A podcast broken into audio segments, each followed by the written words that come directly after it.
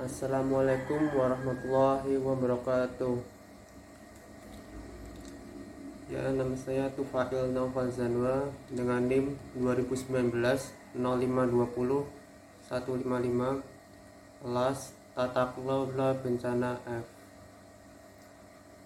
Ya, ini adalah tugas praktikum tas siaga bencana tentang menganalisis ancaman di daerah tempat tinggal saya jenis ancaman bencana alam dan non alam di daerah Karangsari, Wedomartani, Ngemplak, Sleman, Yogyakarta menurut aplikasi Inarix bnpb.go.id adalah kasus pandemi COVID-19 yang masih tergolong cukup tinggi.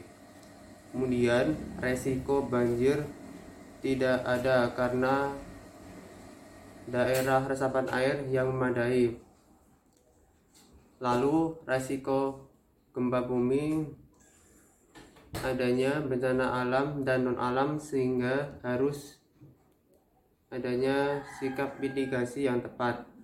Pada saat letusan Gunung Merapi memiliki status level siaga, awas dan waspada.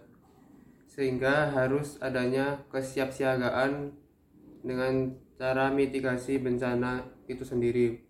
Kemudian, tidak adanya resiko bencana tanah longsor karena sudah ada pembuatan sengkedan dan teras ring. Tidak adanya resiko tsunami karena tidak berbatasan langsung dengan pantai. Pada wilayah ini memiliki resiko tinggi COVID-19. Mitigasi bencana dengan cara tidak keluar rumah atau stay home dan pergi ke tempat keramaian dan menjaga jarak minimal 1 sampai 2 meter dengan orang lain dan tidak berjabat tangan.